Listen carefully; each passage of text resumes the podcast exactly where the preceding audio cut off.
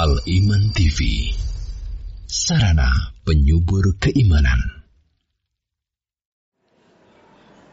Innal hamdalillah nahmaduhu wa nasta'inuhu wa nastaghfiruh wa na'udzu billahi min shururi anfusina wa min sayyiati a'malina man yahdihillahu fala mudilla lahu wa man yudlil fala hadiya lahu أشهد أن لا إله إلا الله وحده لا شريك له وأشهد أن محمدا عبده ورسوله.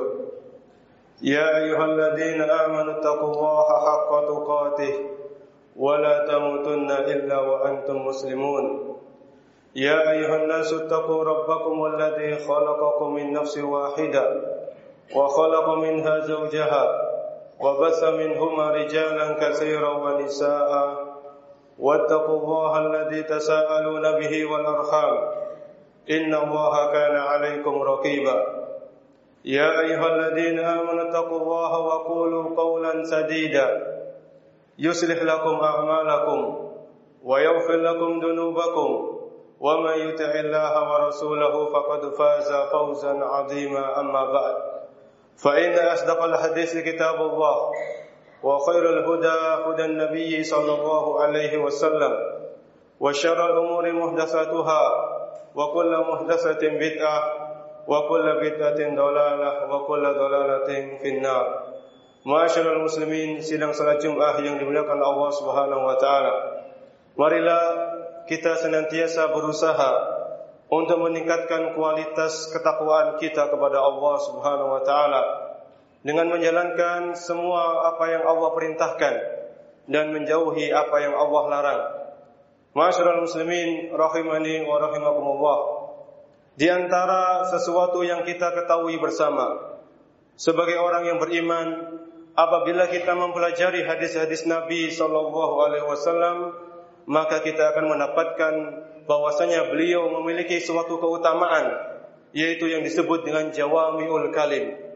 Beliau mengatakan sesuatu yang sedikit, menyampaikan sesuatu yang sedikit namun mengandung makna yang sangat mendalam, mengandung makna yang sangat luas apabila seseorang itu mau memahaminya. Masyaallah muslimin rahimani wa rahimakumullah. Di antaranya adalah sebuah hadis yang diriwayatkan oleh Imam Ahmad dan Imam Ibnu Majah dan yang lainnya. Dari seorang sahabat yang bernama Abu Ayyub Al-Ansari. Semoga Allah meridho beliau. Ja'a rajulun ila Nabi sallallahu alaihi wasallam faqal. Ada seorang laki-laki yang datang kepada Nabi sallallahu alaihi wasallam kemudian laki-laki itu berkata Idni wa aujis Nasihatilah aku dengan sesuatu yang singkat. Nasihati aku dengan nasihat yang ringkas. Wa fi riwayatin dan di, di dalam riwayat yang lain alimni wa aujis Ajarilah aku dengan dengan sesuatu yang singkat. Faqala alaihi salatu wassalam. Kemudian Rasulullah sallallahu alaihi wasallam bersabda, "Idza kumta fi salatika fasalli salata muwaddi'in." Apabila engkau berdiri untuk melaksanakan salat, maka laksanakan salat seperti engkau akan berpisah. Wala takallam bikalamin ta'tadiru minhu ghadan. Dan janganlah engkau mengucapkan suatu ucapan yang di mana engkau menyesal dengan ucapan tersebut di hari kiamat. Wa ajmil ya'sa mimma fi yadayin nas dan berputus asalah dengan apa-apa yang ada di tangan manusia. Masyaallah muslimin rahimani wa rahimakumullah. Di dalam hadis yang mulia tersebut Rasulullah sallallahu alaihi wasallam memberikan kepada kita memberikan wejangan, memberikan nasihat kepada laki-laki tersebut termasuk juga kepada kita selaku umat beliau dengan tiga wasiat di dalam hadis tersebut ada tiga wejangan dari Rasulullah Sallallahu Alaihi Wasallam. Yang pertama adalah wasiat agar kita memperhatikan tentang ibadah solat. Kemudian wasiat yang kedua agar kita menjaga lisan-lisan kita, menjaga perkataan dan ucapan kita. Dan wasiat yang ketiga adalah wejangan untuk kita semuanya agar kita melaksanakan sifat kona'ah. Agar kita memiliki sifat kona'ah. Masyarul muslimin rahimani wa rahimakumullah. Adapun wasiat yang pertama, ketika beliau bersabda, "Idza kumta fi salatika fasalli salata muwaddi'in." apabila engkau apabila Anda berdiri untuk melaksanakan ibadah salat, fasolli salata muwaddi'in. Maka hendaklah ibadah salat yang Anda lakukan, lakukanlah salat seperti Anda seolah-olah Anda akan meninggalkan dunia ini. Lakukanlah salat seperti Anda melakukan salat perpisahan. Masyaallah muslimin rahimani wa rahimakumullah. Kita bisa membayangkan apabila seorang muslim, seorang hamba menghadirkan di dalam hatinya menghadirkan di dalam benak dan pikirannya bahwasanya solat yang saya lakukan saat ini adalah solat yang terakhir dan saya tidak memiliki kesempatan lagi untuk melaksanakan ibadah solat maka kita akan bisa membayangkan orang tersebut akan melakukan ibadah solat dengan sungguh-sungguh orang tersebut akan memperhatikan rukun-rukun solat orang tersebut akan memperhatikan kewajiban-kewajiban serta sunnah-sunnah yang ada di dalam solat karena dia meyakini karena dia tahu bahwanya solat yang akan dia lakukan ini seperti solat yang terakhir dan dia tidak memiliki waktu lagi untuk melakukan ibadah-ibadah solat yang lain. Masyarakat muslimin rahimani wa rahimakumullah. Nasihat atau wejangan yang pertama ini marilah kita lakukan. Marilah kita hadirkan di setiap solat yang kita lakukan, terutama solat lima waktu, yang itu merupakan kewajiban bagi kita semuanya. Ketika kita solat duhur, ketika kita solat asar, dan solat-solat wajib yang lainnya, kita hadirkan di dalam pikiran kita bahwasanya solat yang saya lakukan ini adalah solat yang terakhir. Sehingga kita bersungguh-sungguh dalam melaksanakan ibadah solat. Sehingga kita tidak asal-asalan dalam melaksanakan ibadah solat. Sehingga kita melakukan solat bukan hanya sekedar menggugurkan kewajiban.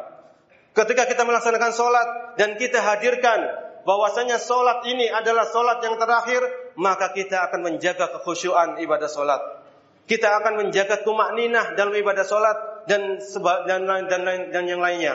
Karena tidak sedikit kita mendapatkan saudara-saudara kita kaum muslimin ketika mereka melaksanakan ibadah solat maka mereka solat dengan begitu cepat tanpa memperhatikan tumak ninah, tanpa memperhatikan kehusuan, tanpa memperhatikan rukun-rukun solat yang lainnya. Masyaallah muslimin rahimani wa rahimakumullah. Sebagaimana yang kita ketahui juga bahwasanya ibadah solat merupakan rukun Islam yang kedua setelah dua kalimat syahadat dan ibadah solat adalah ibadah yang pertama kali akan ditanya oleh Allah Subhanahu wa taala sebelum ibadah-ibadah yang lain. Oleh karena itu masyarakat muslimin rahimani wa rahimakumullah, marilah kita evaluasi diri kita masing-masing.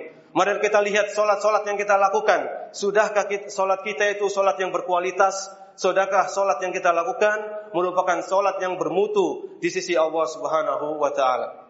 Masyarakat muslimin sidang salat Jumat yang dimuliakan oleh Allah Subhanahu wa taala. Kemudian di dalam hadis tadi Rasulullah sallallahu alaihi wasallam menjelaskan wasiat beliau yang kedua. Wajangan atau nasihat beliau yang kedua, wala takallam bikalamin ta'tadiru minhu ghoda. Dan janganlah engkau mengucapkan suatu ucapan Janganlah engkau mengatakan suatu perkataan yang di mana engkau akan menyesal di hari kiamat kelak. Masyarul muslimin rahimani wa rahimakumullah. Lisan merupakan anggota tubuh yang mudah untuk digerakkan. Lisan merupakan anggota tubuh yang cukup-cukup berbahaya apabila seseorang tidak menjaganya dengan baik. Masyarul muslimin rahimani wa rahimakumullah. Di dalam ayat di dalam Al-Qur'an Allah Subhanahu wa taala menjelaskan, "Ma yalfidu min qaulin illa ladaihi raqibun atid." Tidaklah ada suatu ucapan yang diucapkan Tidaklah tidaklah suatu perkataan itu dikatakan illa ladaihi raqibun atid kecuali ada malaikat yang mengawasi dan kecuali ada malaikat yang mencatatnya. Masyaallah muslimin rahimani wa rahimakumullah. Marilah kita berhati-hati Marilah kita bertakwa kepada Allah Subhanahu wa taala terhadap ucapan-ucapan kita, terhadap perkataan-perkataan kita. Jangan sampai kita mengucapkan suatu ucapan yang menurut kita itu remeh, akan tapi ber, akan tapi berakibat berakibat besar di sisi Allah Subhanahu wa taala. Jangan sampai kita mengucapkan suatu perkataan yang menurut kita itu sepele tapi menyebabkan kita menyesal di hari kiamat kelak. Masyaallah muslimin rahimani wa rahimakumullah. Kemudian di dalam hadis yang mulia tadi Rasulullah Shallallahu Alaihi Wasallam menjelaskan wasiat beliau yang ketiga. Wajangan beliau yang ketiga. Wa ajmil ya, wa ajmil ya'sa mimma fi yadayin nas. Dan hendaklah engkau berputus asa. Hendaklah engkau berputus asa dari apa-apa yang ada di tangan manusia. Hendaklah engkau berputus asa terhadap apa-apa yang dimiliki oleh manusia. Masyarul muslimin rahimani wa rahimakumullah. Setiap orang terkadang kita menginginkan Terkadang kita berharap untuk memiliki atau mendapatkan apa-apa yang dimiliki oleh manusia. Terkadang kita berharap manusia yang lain, orang-orang yang lain memberikan kepada kita, membalas kasih kepada kita dan sebagainya. Maka di dalam hadis tersebut Rasulullah Shallallahu Alaihi Wasallam memerintahkan kepada kita wa ajmil ya'sa dan hendaklah engkau berputus asa terhadap apa-apa yang dimiliki oleh manusia. Kita berharap hanya berharap kepada Allah Subhanahu wa taala. Kita meminta, kita hanya meminta kepada Allah Subhanahu wa taala, "Idza sa'alta fas'alillah." Apabila engkau meminta, maka mintalah kepada Allah. Wa idza sta'anta fasta'in billah. Dan apabila engkau mohon pertolongan, maka mohonlah pertolongan kepada Allah Subhanahu wa taala. Masyaallah muslimin rahimani wa rahimakumullah. Ketika seseorang itu berharap pemberian orang lain, ketika seseorang berharap untuk mendapatkan apa yang dimiliki oleh oleh orang lain, maka kita pastikan dia akan mendapatkan kekecewaan. Dia akan mendapatkan kekecewaan. Berbeda ketika seseorang berharap kepada Allah Subhanahu wa taala, meminta kepada Allah Subhanahu wa taala, maka Allah Subhanahu wa taala tidak akan mengecewakan hambanya. Allah Subhanahu wa taala akan mengabulkan permintaan hambanya dan lain sebagainya. Masyaallah muslimin rahimani wa rahimakumullah. Apabila ada suatu permintaan, apabila ada suatu permohonan, apabila ada suatu harapan yang kita minta kepada Allah Subhanahu wa taala, kemudian Allah Subhanahu wa taala belum mengabulkannya, maka kita sebagai orang yang beriman tetap kita berbaik sangka kepada Allah Subhanahu wa taala. Kita kita meyakini bahwasanya Allah Subhanahu wa taala Maha mengetahui dan kita sebagai manusia tidak memiliki ilmu sama sekali. Kita meyakini bahwasanya apa yang ditakdirkan oleh Allah Subhanahu wa taala adalah baik bagi kita karena Allah yang menciptakan kita dan Allah yang paling mengetahui apa yang membuat kita bahagia dan Allah yang paling mengetahui apa yang membuat kita celaka dan apa yang membuat kita susah dan juga sengsara. Barakallahu li wa lakum fil Qur'anil azim. Wa nafa'ani wa iyyakum bima fihi min al-ayati wa dhikril hakim. Aqulu ma tasma'un wa astaghfirullah li wa lakum wa li sa'iril muslimin min kulli dhanbin fastaghfiruhu innahu huwal ghafurur rahim. Astaghfirullah.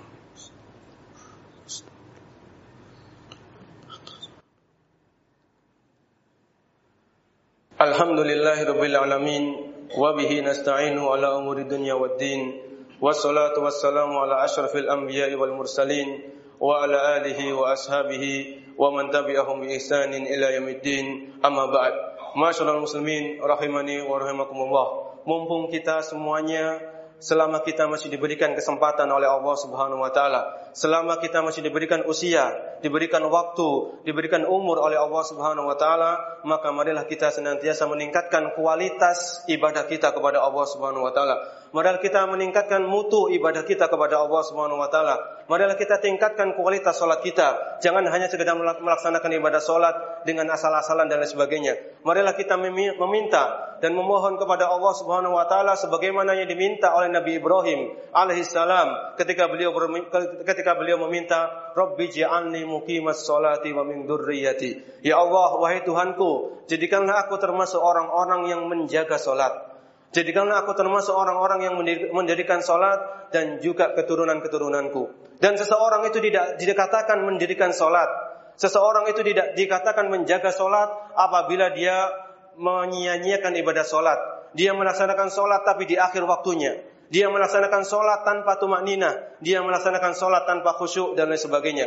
Masyaallah muslimin rahimani wa rahimakumullah. Kemudian hendaklah kita selalu selalu muhasabah selalu melakukan introspeksi diri setiap hari, setiap saat, setiap selesai melakukan ibadah. Apakah ibadah-ibadah yang kita lakukan sudah kita lakukan dengan ikhlas dan apakah ibadah-ibadah yang kita lakukan sudah sesuai dengan petunjuk Rasulullah sallallahu alaihi wasallam. Masyaallah muslimin rahimani wa rahimakumullah. Marilah kita tanamkan di dalam hati kita sifat qanaah, sifat menerima apa-apa yang telah dibagikan oleh Allah Subhanahu wa taala kepada kita. Marilah kita tanamkan di dalam hati kita sifat qanaah yaitu menerima apa-apa yang telah diberikan oleh Allah Subhanahu wa taala, tidak melihat kepada saudara-saudara kita, tidak melihat kepada pemberian-pemberian yang Allah berikan kepada saudara-saudara kita. Wala tatamannau ma faddalallahu bihi ba'dakum ala. Dan janganlah kalian berangan-angan untuk mendapatkan apa-apa yang Allah lebihkan kepada sebagian lain sebagian kalian di atas sebagian yang lain. Janganlah kita berangan-angan untuk mendapatkan apa-apa yang Allah lebihkan kepada saudara-saudara kita karena kita meyakini apa yang Allah berikan kepada kita itulah yang terbaik bagi kita. Semoga Allah Subhanahu wa taala memberikan taufiknya kepada kita agar kita senantiasa kita bisa menjaga ibadah salat, agar kita senantiasa termasuk orang-orang yang mendirikan salat sampai akhir hayat kita. Dan semoga Allah Subhanahu wa taala memberikan taufiknya kepada kita untuk bisa menjaga lisan-lisan kita dan bisa menjaga apa-apa yang kita ucapkan. Dan semoga Allah Subhanahu wa wa taala memberikan kepada kita sifat qanaah. Allahumma salli ala Muhammad wa ala ali Muhammad kama sallaita ala Ibrahim wa ala ali Ibrahim innaka Hamidum Majid. Wa barik ala Muhammad wa ala ali Muhammad kama barakta ala Ibrahim wa ala ali Ibrahim innaka Hamidum Majid. Allahumma ighfir للمسلمين والمسلمات والمؤمنين والمؤمنات الأحياء منهم والأموات إنك سميع قريب مجيب دعوات ربنا ظلمنا أنفسنا وإن لم تغفر لنا وترحمنا لنكونن من الخاسرين. ربنا لا تزغ قلوبنا بعد إذ هديتنا وهب لنا من لدنك رحمة إنك أنت الوهاب. يا مقلب القلوب ثبت قلوبنا على دينك. يا مصرف القلوب صرف قلوبنا على طاعتك. ربنا آتنا في الدنيا حسنة وفي الآخرة حسنة وقنا عذاب النار. عباد الله إن الله يأمركم بالعدل والإحسان وإيتاء ذي القربى وينهى عن الفحشاء والمنكر والبغي يعظكم لعلكم تذكرون ولذكر الله أكبر والله يعلم ما تصنعون